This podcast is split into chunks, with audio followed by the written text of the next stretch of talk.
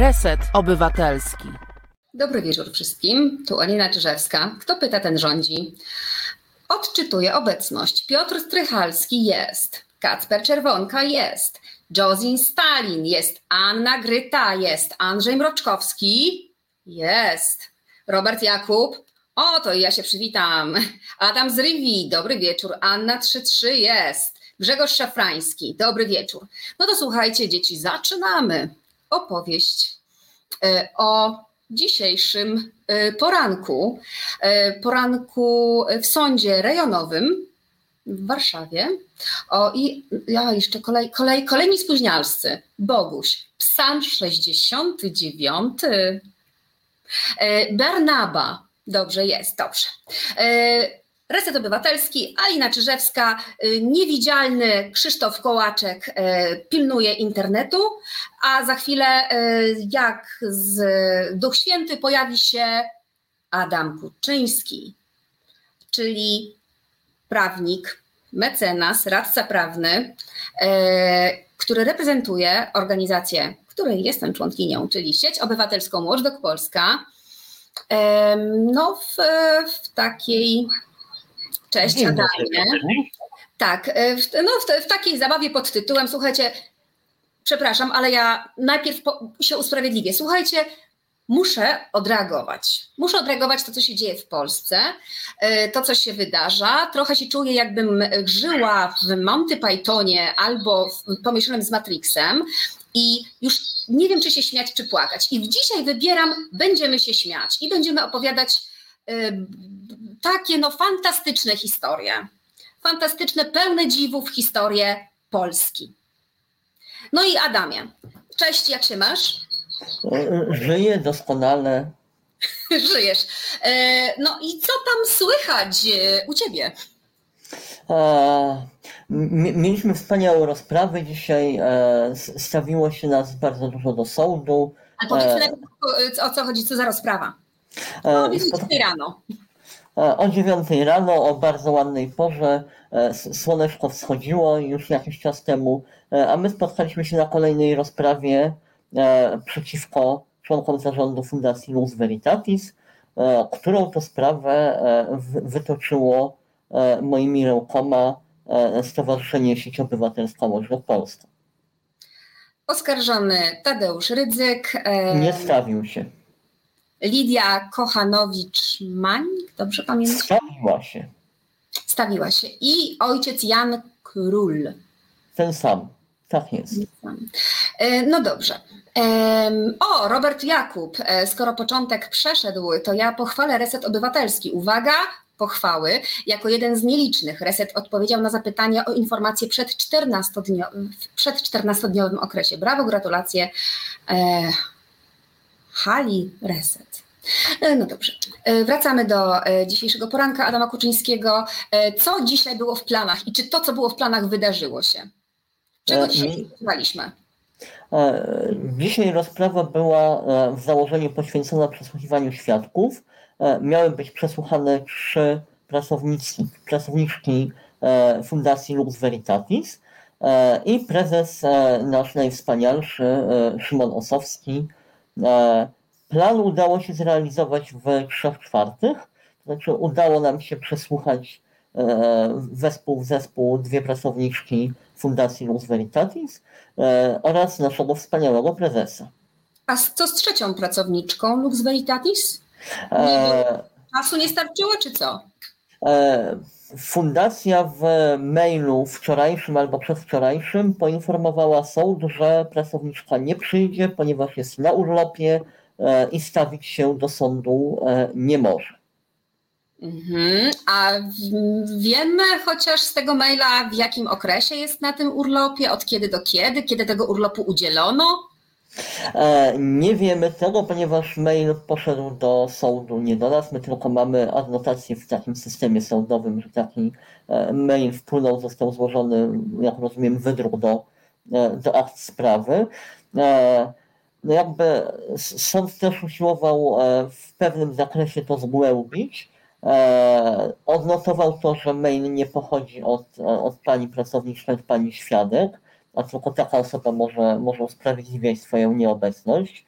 Jakby e, pytając strony o, o stanowisko, czy bardziej nas pytając o stanowisko, e, ja wskazałem, że e, jakby w pełni szanujemy e, prawo pracownika do urlopu wypoczynkowego, e, że to jakby jedna z, jeden z elementów też demokratycznego państwa prawnego, bo ma realizować zasady sprawiedliwości społecznej, a to też jakby wchodzi w to prawo do urlopu.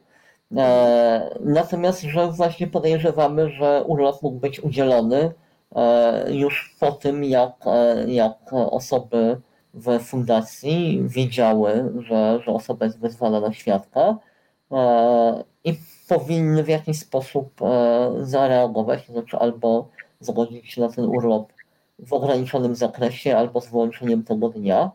E, jakby tak się nie stało, sąd pytał nas, czy w związku z tym wnosimy o wymierzenie kary pieniężnej świadkowi.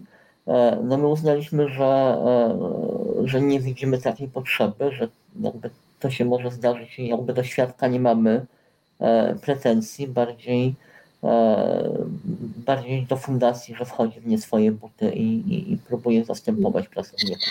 Jolanta Kosińska napisała, że urlop nie zwalnia z obecności w sądzie. Jak to wygląda? E, to zależy od sądu. To znaczy sąd może uznać, że przyjmuje takie usprawiedliwienie. Sąd może uznać, że buziek go to obchodzi, że, że ktoś ma urlop, można ten urlop przerwać i przyjechać do sądu.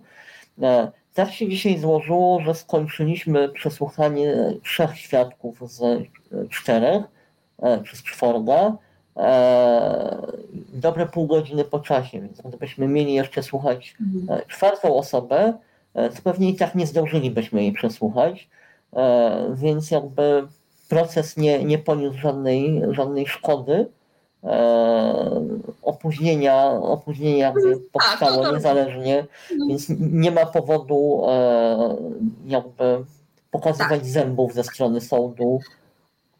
Nic złego się nie stało. Mhm, Okej. Okay. Mm, a w takim razie jak, e, jak ze, o, co, o co pytaliśmy my, jako sieć obywatelska Watchdog Polska? Czego chcieliśmy się dowiedzieć od świadków? Od pracownic z Fundacji Lux Veritatis? E, od Fundacji Lux, e, od pracownic Fundacji Lux Veritatis generalnie staraliśmy się dowiedzieć, e, co one wiedzą o naszych wnioskach złożonych do Fundacji, jak wyglądało ich rozpoznawanie, co się z nimi działo, kto był w to zaangażowany, a w szczególności kto z zarządu był zaangażowany w w, w udzielaniu odpowiedzi, czy w decydowaniu nie o tym, e, jaka ta odpowiedź zostanie udzielona. A po co, a po co, a po co, a po co o to pytałeś? Do czego nam ta wiedza? E, pytałem zarówno ja, jak i pytał sąd, jak i pytali obrońcy oskarżonych. E, generalnie chodzi o dwie rzeczy. To znaczy, po pierwsze, E, w zarzucie, jaki jest postawiony oskarżonym, jest mowa o tym, że oni kierowali podległymi sobie pracownikami. W związku z tym, jeżeli byli zaangażowani w udzielanie informacji publicznej e, jacyś pracownicy, e, to należało ustalić jacy, którzy, na czym to zaangażowanie polegało, kto wydawał polecenia i E, czy faktycznie w ogóle ktokolwiek był zaangażowany z, z pracowników. E, I to się udało ustalić, e, jakby w tym zakresie, w jakim przesłuchiwaliśmy dzisiaj świadków. Ale po co? Po co? Po, po co nam ta wiedza? Po co sądowi nam ta wiedza? I sądowi nam ta wiedza w tym procesie? Z prawniczego punktu widzenia, przepraszam, że mówię jak prawnik, obrzydlistwo. No cóż, Jesteś, Adamie, prawnikiem. E, ta wiedza jest nam po to, żeby prawidłowo określić i opisać czyn, e, jaki e, przypisujemy oskarżonym, to znaczy o co ją dokładnie oskarżamy. Bo może być tak, że w takiej organizacji jak Fundacja Luz Veritatis wyłącznie zarząd się zajmuje udzielaniem odpowiedzi na wnioski. E, ale może być tak, że posługuje się do tego celu pracownikami. Mhm. I po to, żeby możliwie prawidłowo i dokładnie opisać, co oskarżeni zrobili, co im się zarzuca, przed czym się mają bronić, to musimy ustalić takie, takie szczegóły. A co usiłuje dowieść Fundacja Lux Veritatis y, z Tadeuszem Redzykiem na czele? Jak się broni? Znaczy, generalnie linia obrony jest e, po części zbieżna, po części rozbieżna w zależności od e, osoby. To znaczy, jeżeli chodzi e, o te rozbieżności, bo to może bardziej zajmujące, obrońcy Tadeusza Rydzyka i Jana Króla twierdzą, że po pierwsze oni się nie zajmowali sprawami związanymi z udostępnieniem informacji publicznej, oni są od spraw w cudzysłowie wyższych, oni się zajmują duchowością, sprawami e, religijnymi, ewangelizacyjnymi e, i nie mają nic wspólnego z takimi przyziemnymi rzeczami jak, jak e, dostęp do informacji publicznej. A druga kwestia, którą podnoszą, zwłaszcza obrońca oskarżonego króla, że on przechodził w czasie, kiedy był rozpoznawany ten nasz wniosek, ciężką chorobę nowotworową i generalnie był wyłączony z jakiejkolwiek aktywności merytorycznej w, w fundacji. W związku z tym, nawet jeżeli by formalnie jakoś odpowiadał za, za sprawy związane z udostępnieniem informacji publicznej, to faktycznie technicznie nie był w stanie tego, tego zrobić, bo walczył o życie po prostu. Jak to wygląda prawnie w tej sytuacji? Jak wygląda odpowiedzialność? No bo jest jakby nie było członkiem zarządu. E, to jest kwestia trochę złożona. To znaczy, e, bo jeszcze wspomnę, e, jaka jest linia obrony pani Kochanowicz-Mańk, no bo jakby na nią jest przerzucana trochę odpowiedzialność przez, przez pozostałych oskarżonych. Ona z kolei twierdzi, że wszelkie informacje udzieliła, w związku z tym nie ma, nie ma powodów, żeby ona za cokolwiek odpowiadała. I teraz, generalnie jest tak, że e, cały zarząd odpowiada, e, bo jakby e, ustawa o fundacjach nie przewiduje żadnego wyłączenia czy czy podziału kompetencji pomiędzy. No, takie mamy prawo. No, chcesz być y, w, w, władzach czegoś, no to po prostu też prawnie odpowiadasz za. Y, no, obowiązki idą za prawami. Skoro masz prawo zarządzać jednostką, jaką jest fundacja, to bierzesz na siebie też obowiązki, e, które się z tym wiążą. Mhm. E, I może być faktycznie tak, e, jakby ja nie przesądzam, jak oceni to sąd E, i jakby jakie będzie nasze jak, jako e, Stowarzyszenie Oskarżyciela e, stanowisko, mówię czysto hipotetycznie, że jeżeli ktoś leży w szpitalu i nie bardzo wie, co się z nim dzieje, gdzie jest i w zasadzie jak się nazywa i co, co robi w tym miejscu, gdzie się znajduje, no to trudno przypisywać mu odpowiedzialność, tak? no bo on musi być świadomy tego, co robi lub czego nie robi, E, a jeżeli jest w stanie wyłączającym no, taką możliwość, to, to, to ale jak prawo na to patrzy? E, I jakby to też wynika z prawa, tak? to znaczy mhm. odpowiedzialność ponosi się za czyn człowieka, to znaczy czy za czyn, czy za zaniechanie. A jeżeli ktoś nie jest w stanie wykonywać czynów, czy świadomie podejmować zaniechań, to E, to nie popełnia przestępstwa po prostu, nie, nie, nie ponosi odpowiedzialności. E, jest e, taki element linii obrony, że w fundacji zwyczajowo było tak, że sprawami informacji publicznej zajmowała się pani Lidia Kochanowicz-Mańk i nastąpiło olśnienie w lutym tego roku, E, I nic z tego, nic owego, e, zarząd zebrał się i podjął uchwałę e, o tym, że potwierdzamy wieloletni zwyczaj i praktykę, że pani Lidia Kochanowicz-Maniok zajmuje się dostępem do informacji publicznej i nadajemy tej uchwale moc wsteczną od momentu, kiedy pani Lidia znalazła się w zarządzie. To tak można? Papier jest cierpliwy i przyjmie wszystko.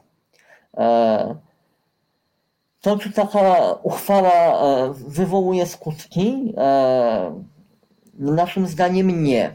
To znaczy nie wywołuje skutków wstecznych, bo, no bo po prostu nie może wywoływać skutków wstecznych.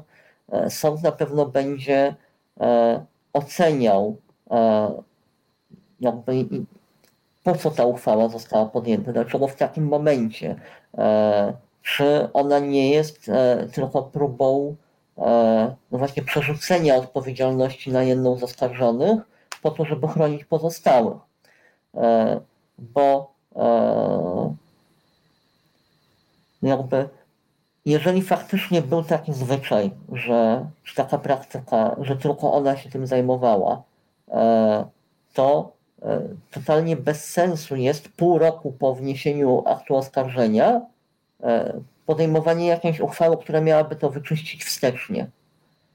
Możemy mhm. podjąć taką uchwałę na przyszłość, żeby wyjaśnić pewne kwestie, e, ale nadawanie takiej uchwale mocy wstecznej e, no, wskazuje intencję, z jaką to jest robione, że to ma wyczyścić nam sytuację z przeszłości. Mhm, czyli to takie zwalanie winy na, e, na, na kobietę. E, tak to rozumiem. Tak to rozumie też jedna e, z komentatorek e, na fanpage'u Sieci Obywatelskiej Użdok Polska, która mówi tak, czy mi się wydaje, czy może zasadne jest moje wrażenie, że Fundacja Lux Veritatis poświęciła panią Lidię, aby chronić pozostałych członków zarządu? Panowie ojcowie, redemptoryści, zasłaniacie się kobietą, uciekając przed odpowiedzialnością? Słabe to.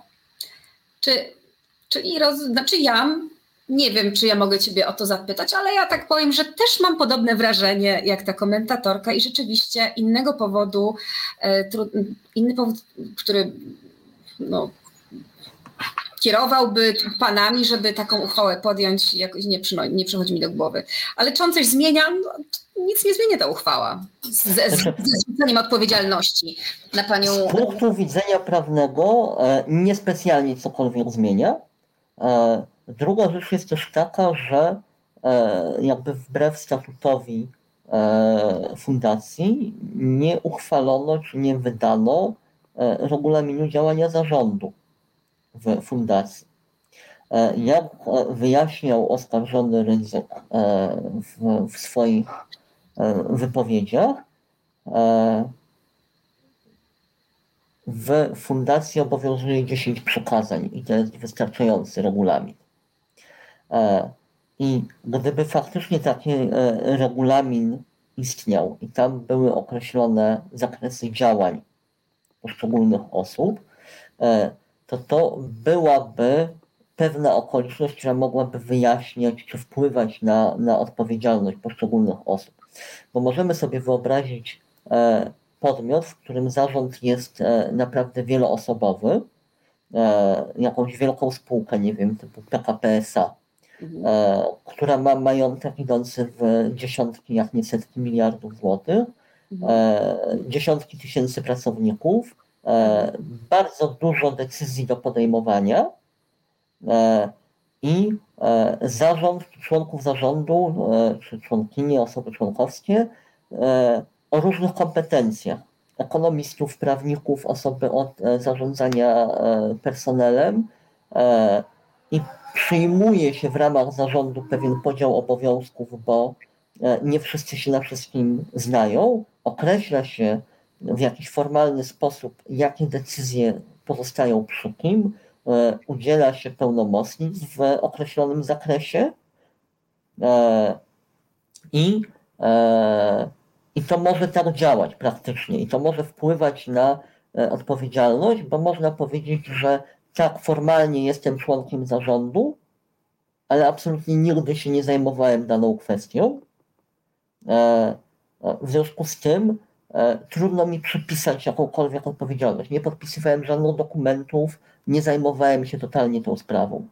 E, są inne osoby, które się tym mm, zajmowały. Czyli rozumiem, że y, takiego regulaminu nie było, regulaminu pracy zarządu, który by określał, że pani e, Mańk się zajmuje tylko tymi administracyjnymi sprawami. Mm, ale w praktyce wyglądało to tak, że pani robiła robotę, a panowie y, y, influencerowali 10 przykazań. Z tym się zajmowali. Można trochę tak powiedzieć, ale to też nie byłaby do końca prawda. To znaczy w aktach sprawy e, są dokumenty, e, nie, zanudzając e, naszych drogich słuchaczy, oglądaczy, na których są podpisy zarówno oskarżonego króla, jak i oskarżonego ryzyka. Więc to nie jest tak, że oni byli totalnie obok. Jakby przepisy prawa mówią o tym, w jaki sposób e, takie podmioty jak fundacja są reprezentowane. E, I dookreśla to e, jakby akt powołania fundacji, statut fundacji.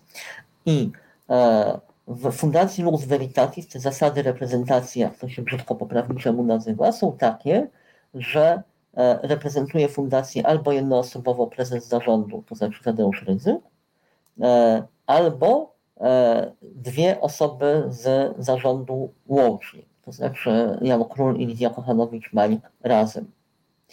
E, I są dokumenty podpisywane jednoosobowo przez e, Tadeusza Rydzyka i są dokumenty podpisywane wspólnie e, przez e, Jana Króla i Lidię Kochanowicz-Mańk, e, a e, są też dokumenty, na których e, pani Lidia Kochanowicz-Maniak podpisuje się jako pełnomocnik, e,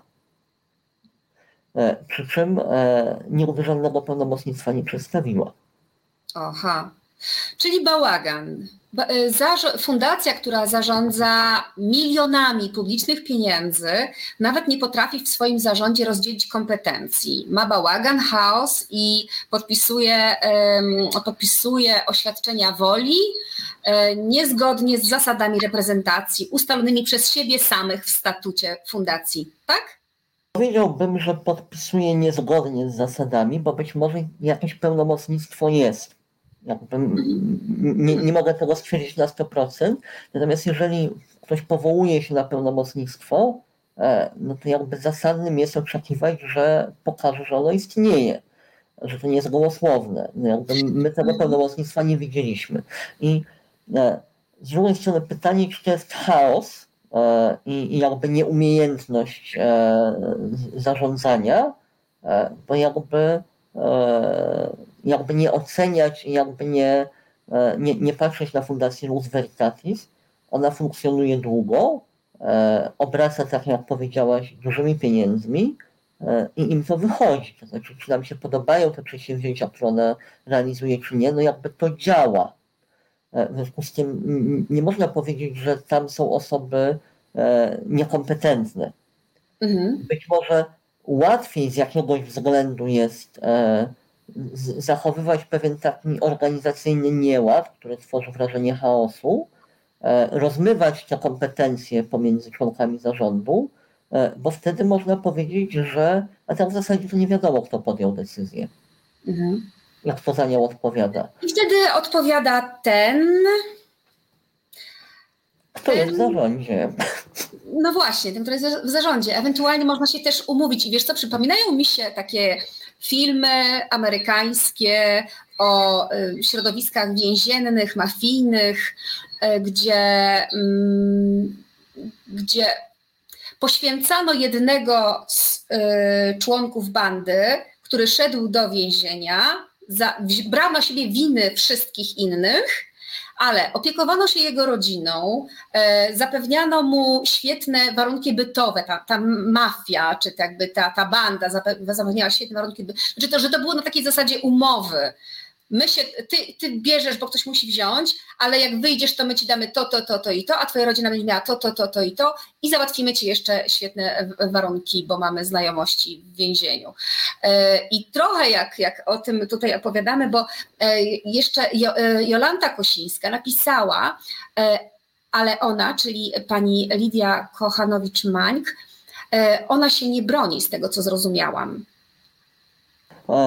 Ona się nie broni przed e, tym stwierdzeniem, że odpowiada za udostępnianie informacji publicznej, to potwierdza jak najbardziej, natomiast twierdzi w ramach tej swojej obrony, e, że wywiązała się ze wszystkich obowiązków, w związku z tym e, nie można powiedzieć, że czegoś nie udostępniła, że złamała jakieś przepisy.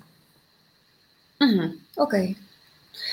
I jeszcze w- wracając do tego rozmywania, dowiedzieliśmy się dzisiaj na na rozprawie jakby ciekawych i trochę przerażających rzeczy. Mianowicie pytaliśmy, bo to jest istotne w związku z wnioskiem, jaki składaliśmy, którym straszono rodzinę Radia Maryja, że chcemy zabierać komputery fundacji i jakby sparaliżować jej działanie, o to, jak wygląda dostęp do maili w fundacji. Pytaliśmy te panie świadkinie, e, czy mają swoje własne maile przypisane do nich, e, jakby czy ktoś poza nimi ma do nich dostęp i jakby e, czy są jakieś maile, do których one mają dostęp poza swoim, że tak powiem, imiennym mailem. I okazało mówimy się... O pracownicach, mówimy o pracownicach tak. biura fundacji. Tak. Bez, bez stanowisk w zarządzie. Mhm. I okazało się, że na przykład jedna z, e, z nich stwierdziła coś takiego, że ona ma dostęp do wszystkich skrzynek, wszystkich pracowników. Że oni sobie nawzajem ufają i może wysyłać maile ze skrzynki każdego pracownika.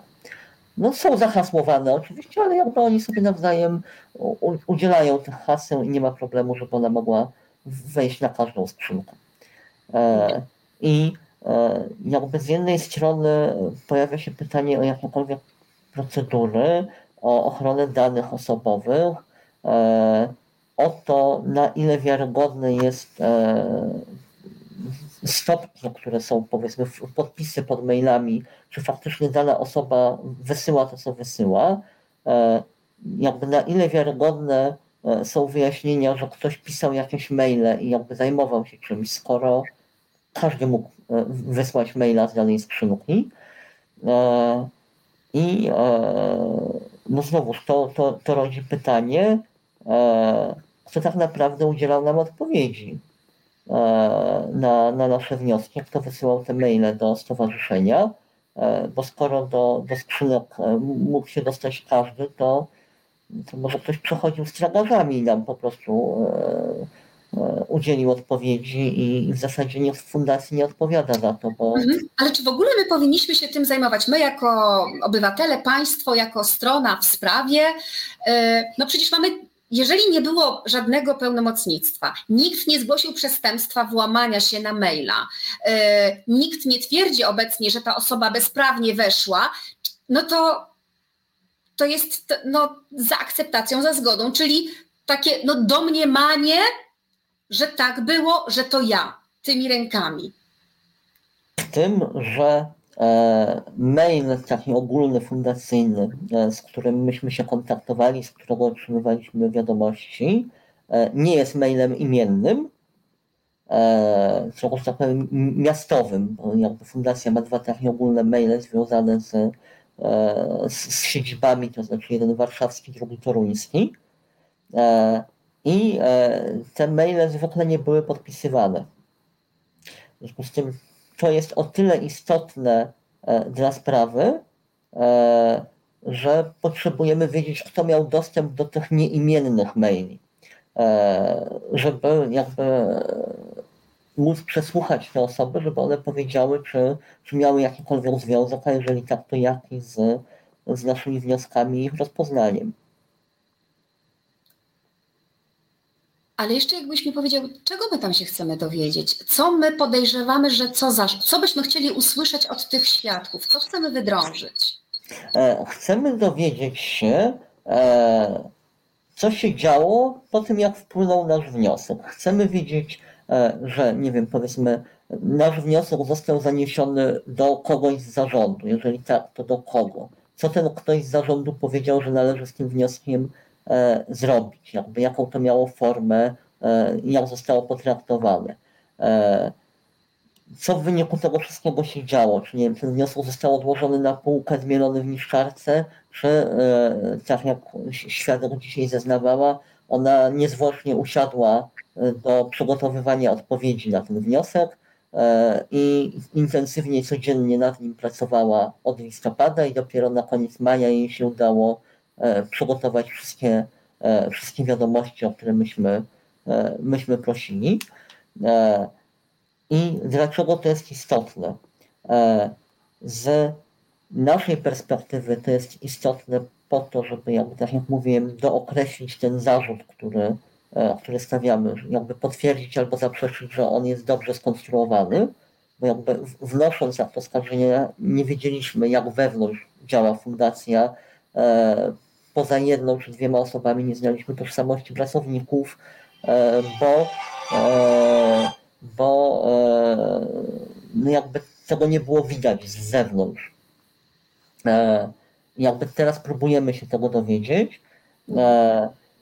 I też próbujemy się dowiedzieć, jaka była rola poszczególnych członków zarządu. E, bo e, może być tak, że jedna osoba z zarządu wydaje polecenia i jakby kieruje zespołem e, ludzi, ale ktoś z zarządu się na przykład interesuje pozostały losem danej sprawy i, i dopytuje, czy wydaje jakieś, jakieś wskazówki. I czy ustalenie tych rzeczy będzie miało wpływ na przykład na to, że sąd orzeknie, że ktoś jest bardziej winny, a ktoś mniej winny, albo ktoś jest niewinny temu e. nieudostępnieniu? E, to po pierwsze pozwala na e, znowuż poprawniczemu zrekonstruowanie stanu faktycznego, bo żeby wydać wyrok, sąd musi napisać, co się tak naprawdę działo. I dzięki takim zeznaniom mniej więcej ta sytuacja się, się daje opisać. E, I teraz, e, nawet jeżeli e, jakby kontakt z pracownikami, czy polecenia pracownikom wydawała tylko pani Lidia Kochanowicz-Mańk, to nie znaczy, że pozostali członkowie zarządu nie mają nic ze sprawą wspólnego i to ona ponosi wyłączną odpowiedzialność. Dlaczego? Może, może być tak, że sąd w e, wyroku, jeżeli byłby skazujący, e, bo jakby nie jest moją rolą wypowiadać się, jaki będzie. Jakby ja wnoszę o to, że to sąd decyduje. E, powie, że faktycznie pani Kochanowicz-Maniak wykonywała jakąś rolę kierowniczą w stosunku do, do pracowników i była w tak zwanym sprawstwie kierowniczym, znowuż poprawniczemu straszne, straszne słowa. E, natomiast pozostali członkowie zarządu e, jakby tylko z nią w tym współpracowali. Jakby nie wydawali poleceń, nie kierowali pracownikami. Ale co, szukamy, kto za to dostanie y, lanie, czy po co, po co nam to? Po co nam to istnieje? Po co, po co się to bada w ogóle? E, to jest dobre pytanie o tyle, że e, z zewnątrz się może wydawać taką e, trochę zabawą słowami, która, e, która tak de facto nie robi żadnej różnicy. Po co my oddzielamy ten mak od piasku, ziarenko, pszenicy od ziarenka? Co, co chcemy uzyskać? Znaczy, chcemy uzyskać prawdę. Chcemy wiedzieć, jak było naprawdę i co się tam działo. I teraz niezależnie od tego, w jakiej formie ktoś popełnił przestępstwo, w sensie czy był bezpośrednim sprawcą, e, czy tylko kierował, pomagał, podpowiadał, e, formalnie odpowiedzialność jest taka sama, to znaczy taka, takie samo zagrożenie karą, e, jakby to jest to samo przestępstwo. Tylko sąd skazując za jakiś czyn, musi dokładnie określić, co kto robił. Aha, e... czyli ile, kto jaki miał wkład? Czy tylko wykonywał tak. polecenia? Czy kto wydawał polecenia? Kto powiedział, wyrzućmy to do kosza? E... Tak.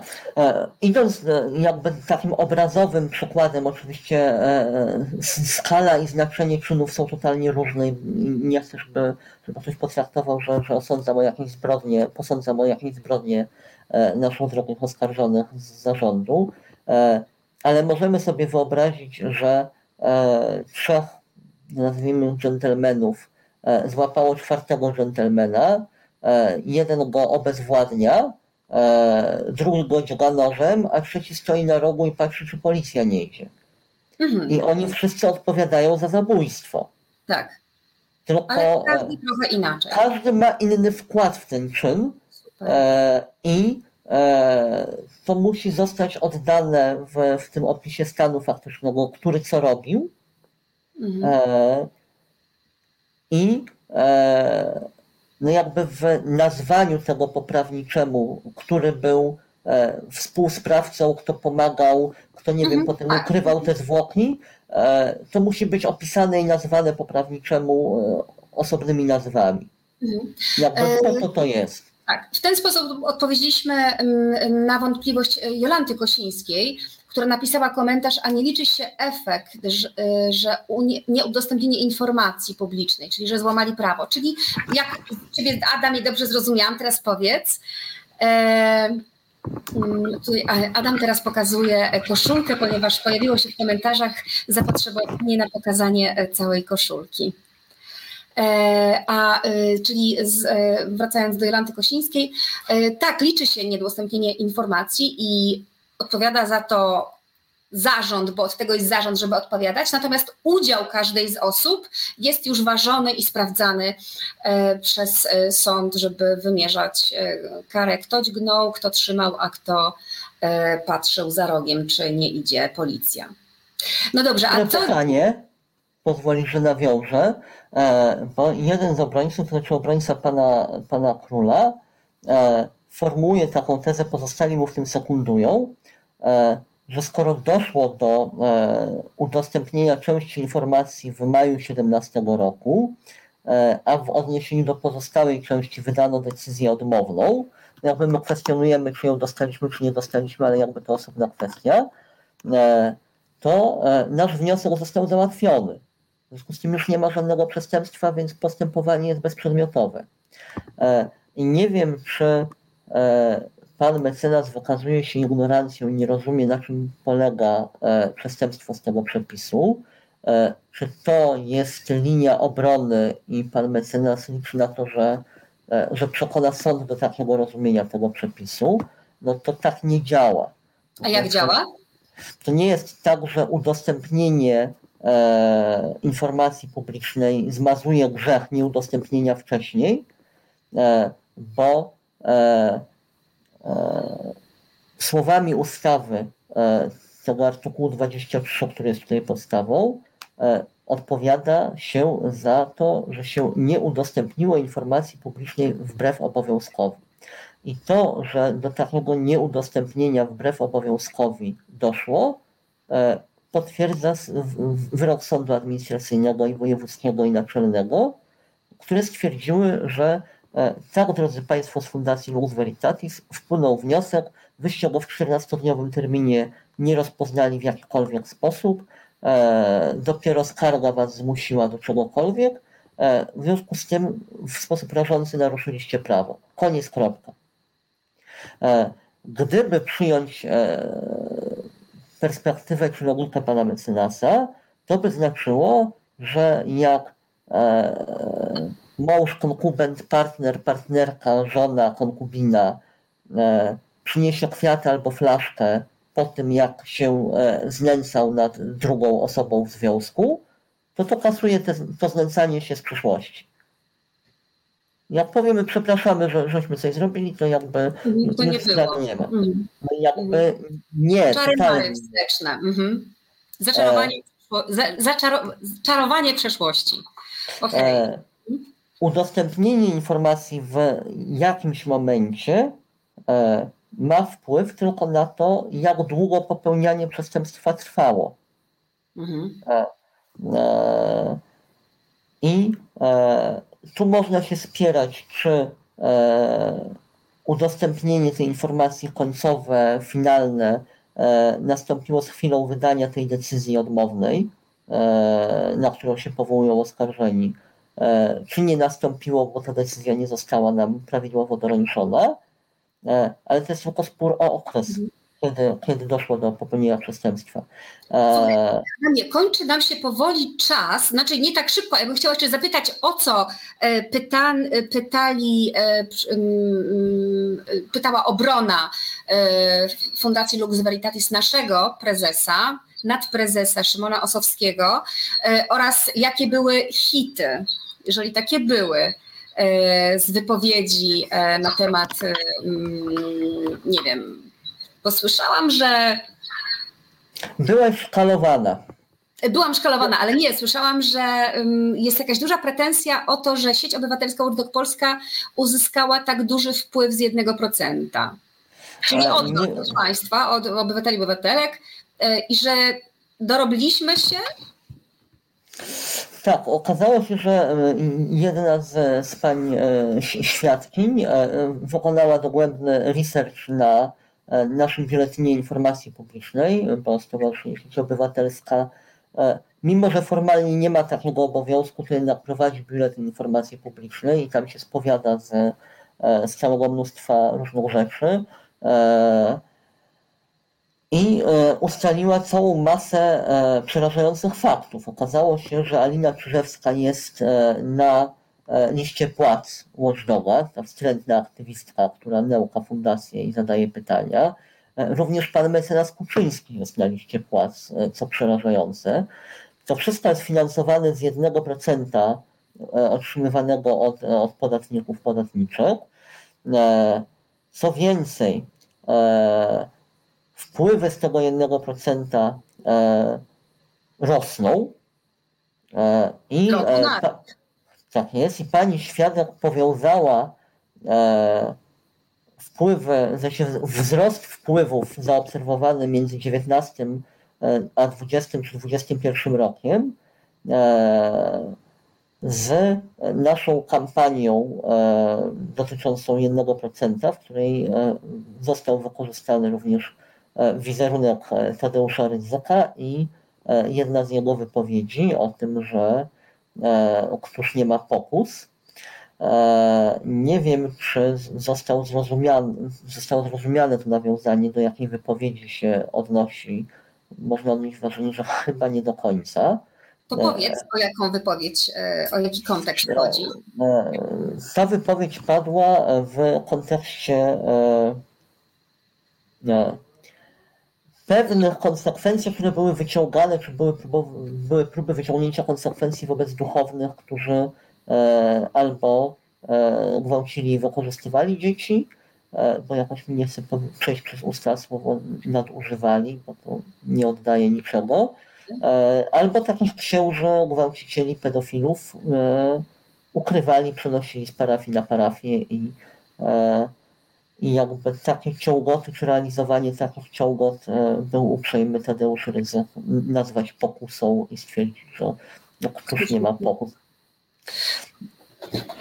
I e, pani świadek stwierdziła, że wykorzystanie e, wizerunku Tadeusza Rydzyka e, spowodowało lawinowy wzrost otrzymanych przez nas datków z 1% i tak jak w poprzednim roku mieliśmy niecałe pół miliona z 1%, to w tym roku już ponad milion i że e, Tadeusz Rydzyk że ta sprawa, którą toczymy przed sądem, e, to jest skóra znosząca złote jajka.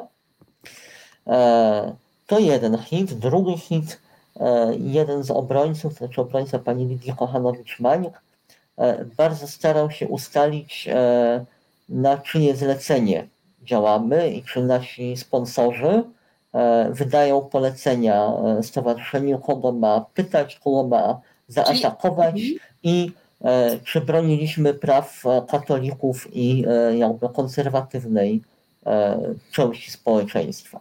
To były pytania, które padły, jak rozumiem, do prezesa Watchdoga, czyli do Szymona Osowskiego, tak? tak? Jeszcze raz możesz powiedzieć, jak, o co, o co, o co. Były pytania o to, czy jesteśmy finansowani, jak jesteśmy finansowani jako stowarzyszenie, E, jakby Szymon nadprezes wyjaśniał, że, czy zeznawał, że e, z 1% z darowizn e, od osób prywatnych, z grantów udzielanych przez organizacje społeczne inne, krajowe i, i zagraniczne. To było drążone i, i była próba uzyskania odpowiedzi E, czy osoby, które dają nam pieniądze, mają wpływ na to, co robimy? E, no odpowiedź była taka, że e, oczywiście nie, bo jakby jedynymi władzami stowarzyszenia jest walne zebranie członków i, i, i zarząd i jakby to te ciała decydują o polityce organizacji, a nie nasi szanowni sponsorzy i sponsorki. To było takie wprost, e, e, zadając te pytania, było takie wprost e, jakby założenie strony pytającej, czyli Lux Veritatis, obrońców Lux Veritatis, że my dostajemy konkretne zlecenia i polecenia z zagranicy?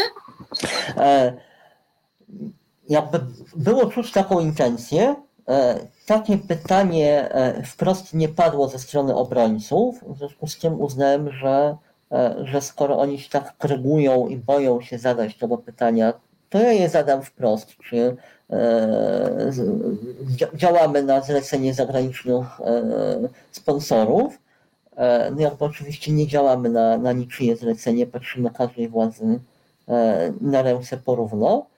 E, I e, pan był e, obrońca niepocieszony, że nie może podrążyć tematu, w jaki sposób wydajemy pieniądze i, i co się z nimi dzieje.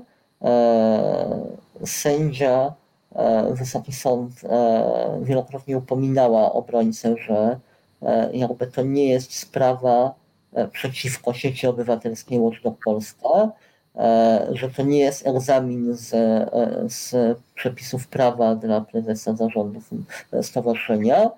E, masa pytań, i to ze strony wszystkich obrońców, dotyczyła treści samego, samego aktu oskarżenia.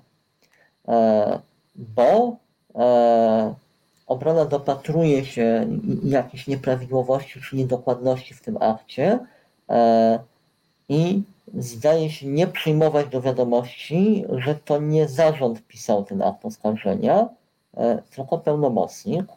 O, o, o ten. tutaj Adam Kuczyński. Mhm. E, w związku z tym wypytywanie, dlaczego coś się nie znalazło w akcie oskarżenia, albo coś się znalazło w tym akcie oskarżenia, e, no jakby mhm. nie dotyczy sprawy. Małgorzata, Małgorzata Pranszkę pyta, ale co to ma do rzeczy? Nawet jeśli to byłoby zlecenie, to oni nadal złamali prawo. Zlecenie, e. zlecenie z, z, agentów z zagranicy na przykład. O co im chodzi? Po co oni to? To nie sąd nad nami, czy jesteśmy przez agentów e, zagranicznych e, przecież finansowani, tylko jest sprawa przeciwko Lux Veritatis.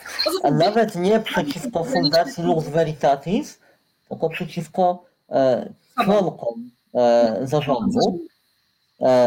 I teraz tak, E, z punktu widzenia tej sprawy, e, jakbyśmy byli zamknięci na sali sądowej, to totalnie nie ma żadnego znaczenia. E, osoba wnioskująca o dostęp do informacji publicznej nie musi wykazywać, jaki ma interes w tym, że pyta. Może być wredną, rudą, złośliwą małpą i mieć taką fantazję, że zapyta. Z punktu widzenia oskarżonych, to ma znaczenie o tyle, że jesteśmy konsekwentnie od e, bardzo wielu lat, jeszcze zanim ten akt oskarżenia został złożony, e, przedstawiani e, jako wrogie antypolskie, antykatolickie, antyewangelizacyjne siły, czyli jakby jesteśmy kierowani i finansowani przez takie siły, te siły są o wiadomej proweniencji, to znaczy przez Żyda Sorosa są e, jakby kierowane e, i my bierzemy w tym wszystkim udział, bo chcemy zniszczyć Boga, Polska, Kościół i wszystkie dzieła e, wyrosłe przy Tadeuszu Ryzyku. W związku z tym drążenie tego tematu mam wrażenie nie jest dla sądu, bardziej jest dla dla słuchaczy czy widzów mediów toruńskich. Mhm. E, po to, żeby pokazywać oskarżonych jako ofiary prześladowania e, wiadomych sił i ośrodków. E, problem w tym, znaczy problem dla nas to jest o tyle korzystne, dla nas jest o tyle korzystne, że z jednej strony Wynika z dokumentów i z zeznań, że oskarżeni e, korzystali z profesjonalnej pomocy prawnej, więc wiedzieli, że mają obowiązek udostępnienia informacji publicznej. E, a skoro e, w toku postępowania, jeszcze administracyjnego, mówili, że jesteśmy agentami niewiadomych sił, to znaczy, że nie udostępniali nam tej informacji świadomie, umyślnie, z określonych intencji, nie mogą mówić, że nic nie wiedzieli i są niewinni. E, ja pamiętam, pamiętam taką odpowiedź, e, którą. Tak, tak, tak. Dzisiaj też o niej rozmawialiśmy. Ja, ja ją zacytuję, bo mam ją przed o, oczami. Doskonale. Tak, to jest odpowiedź z, od Fundacji Lux Veritatis z 25 kwietnia 2017 roku do nas zważywszy na terytorialny zasięg, skalę, a także powiązania wnioskodawcy, czyli nas, z podmiotami zagranicznymi o nie w pełni transparentnej proweniencji, uprzejmie informujemy, że merytoryczne rozpatrzenie wniosku numer hmm, hmm, hmm, nie będzie możliwe do czasu wcześniejszego podania przez wnioskodawcę podstawy normatywnej do występowania do Fundacji Lux Veritatis, e, czyli podmiotu także o statusie organizacji pozarządowej, z wnioskiem o udostępnienie informacji. Tak, to jest dokładnie ta narracja, że jesteśmy e, elementem wrogich sił, które się czają na, na polskie katolickie tradycyjne wartości i, i, i podmioty. E, Szymon zeznając dzisiaj powiedział, że e, jakby to jest szczególnie niewłaściwe posługiwanie się takim językiem czy taką narracją, bo są tylko dwa kraje w Europie, gdzie, gdzie jakby to jest w, w mainstreamie. E, e, określanie organizacji pozarządowych jako agentów zagranicy. W, e, na Węgrzech Orbana i w putinowskiej Rosji. I że to ma jasną intencję zohydzenia w odbiorze społecznym organizacji pozarządowych, które zajmują się ochroną praw obywatelskich. Mhm. Um Robert Jakub pytał, pyta to ustawa y, UDIP, czyli ustawa o dostępie do informacji publicznej nie wystarczy. No właśnie, to jest też zabawne, ponieważ nawet gdybyśmy byli finansowani przez samego szatana, diabła albo babę Jagę, ale są to cały czas legalne środki, legalnie przekazywane i są one z zagranicy, tak samo jak i no, będąc konsekwentnymi, musiałby powiedzieć e, e, Tadeusz Rydzyk, że i pieniądze uni, unijne z Unii Europejskiej, których pozyskuje na, na pęczki, również są pieniędzmi z zagranicy. To nie, to nie jest źródło tych pieniędzy, nie jest przesłanką do tego, ażeby można było nie udzielać komuś informacji publicznej. Więc nawet gdyby i sam szatan albo sam Bóg dawał nam te pieniądze, to to, to nie powoduje, że organ zobowiązany przestaje być zobowiązanym do udzielenia nam tej informacji. E, nie słychać. E, tak samo powiedzenie, jakby to, kim jesteśmy, nie ma totalnie wpływu na, na nasze prawo obywatelskie, konstytucyjne e, dostępu do informacji. Możemy być najgorszym zbrodniarzem zamkniętym na dożywotnie, dożywotni pobyt w więzieniu, i dalej mamy prawo zadawać pytania i podmioty zobowiązane, takie jak Fundacja Lux Veritatis, mają obowiązek udzielania odpowiedzi. E, Małgorzata Prążka pyta, mm, jak ma podejrzenia o działaniu jakichś wrogich sił, to chyba powinien zgłosić jakieś szpiegostwo czy coś. No właściwie tak, no to jest takie rzucanie, e, rzucanie rzucanie jakichś haseł, żeby sprawiać wrażenie i no zobaczcie, to jest cały czas y, opowieść o tym, jak słowa, jak język mają ogromną moc, bo kreują pewną rzeczywistość. To jest rzeczywistość totalnie wykreowana słowem, ponieważ no, żadne zgłoszenie szpiegostwa czy nielegalności bo się by nie pojawiło. No, gdyby rzeczywiście coś, no to, no to faktycznie, e, e, jeżeli coś się złego dzieje, no to idziemy na policję, na prokuraturę, zgłaszamy to, a nie tylko gadamy, gadamy i gadamy, tworząc wrażenie jakoby, tworząc narrację o, e, o jakichś niejasnych, e, niejasnych rzeczach. Więc właściwie, no. tak, właściwie to można by nawet samodonos. Też ja chciałbym zwrócić uwagę na dwie rzeczy.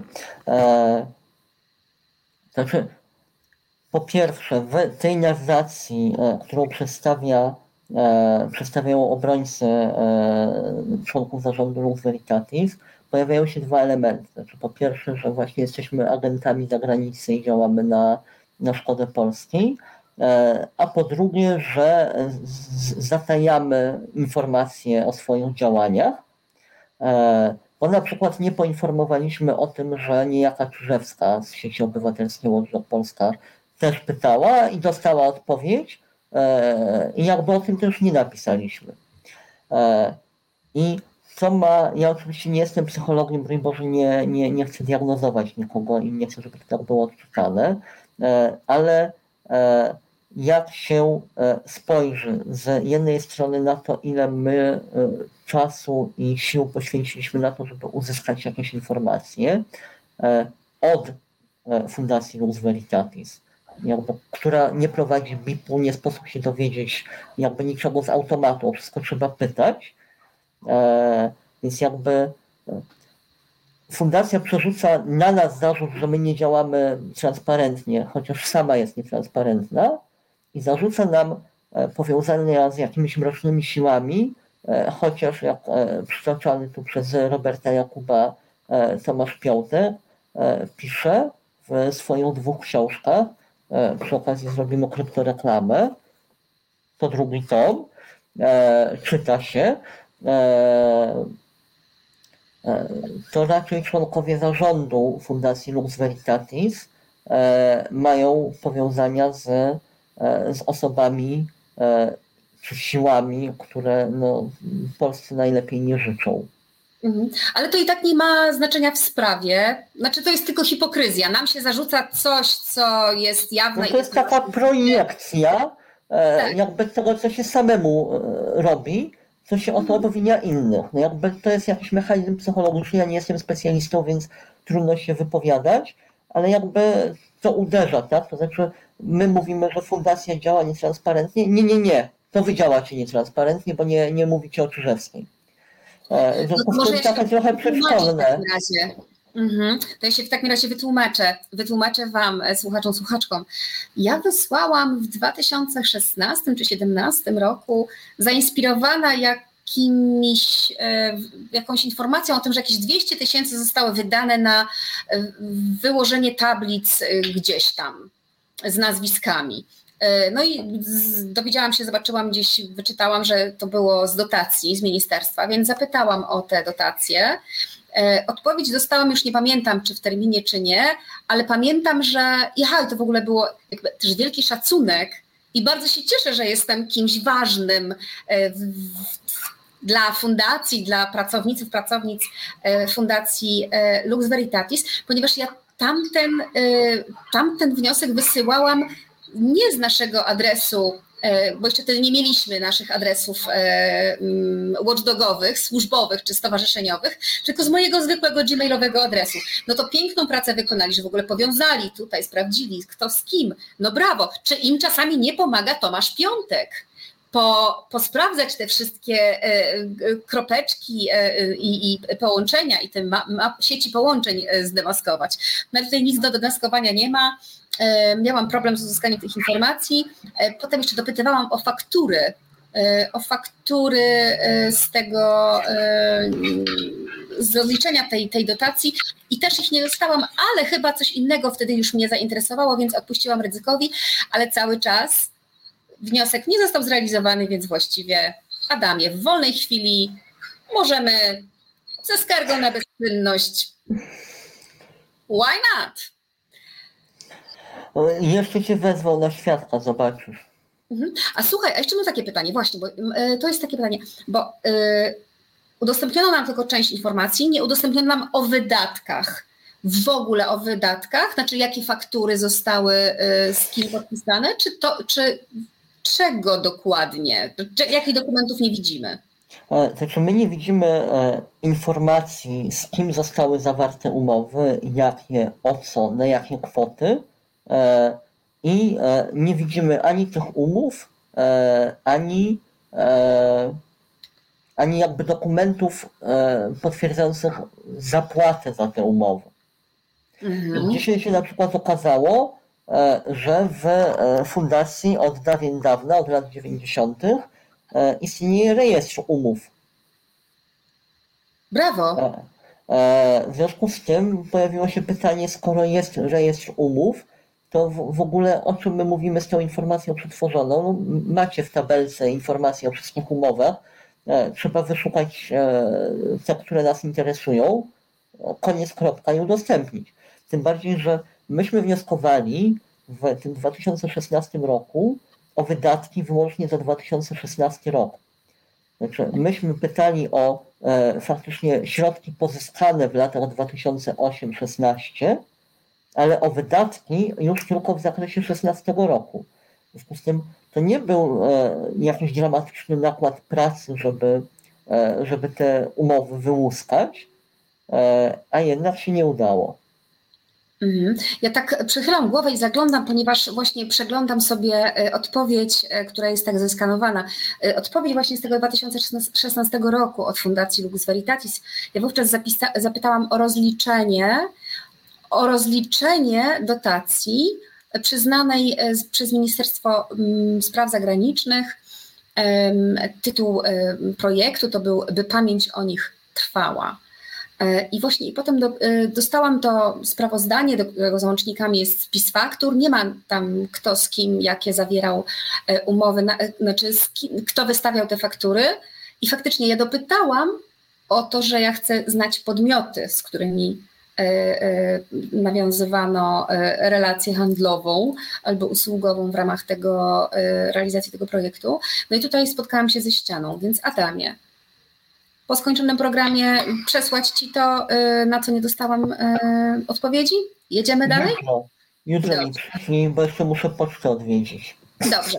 No to słuchaj, w takim razie pocztę zamykają już niedługo, więc skończymy. Jest 22.04. Kto pyta ten ja jeszcze odpowiem na jedno pytanie, które się pojawiło. Informacje o tym, gdzie można nabyć e, moją koszulkę, e, znajdują się na mo moim Facebooku osobistym. Tam pozuję w windzie, jest link do osoba, która te koszulki produkuje.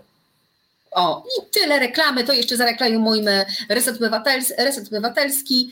E, no, działamy dzięki Wam i dla Was i z Wami. E, I link do zrzutki znajdziecie tutaj, zaraz Krzysztof Kołaczek wrzuci.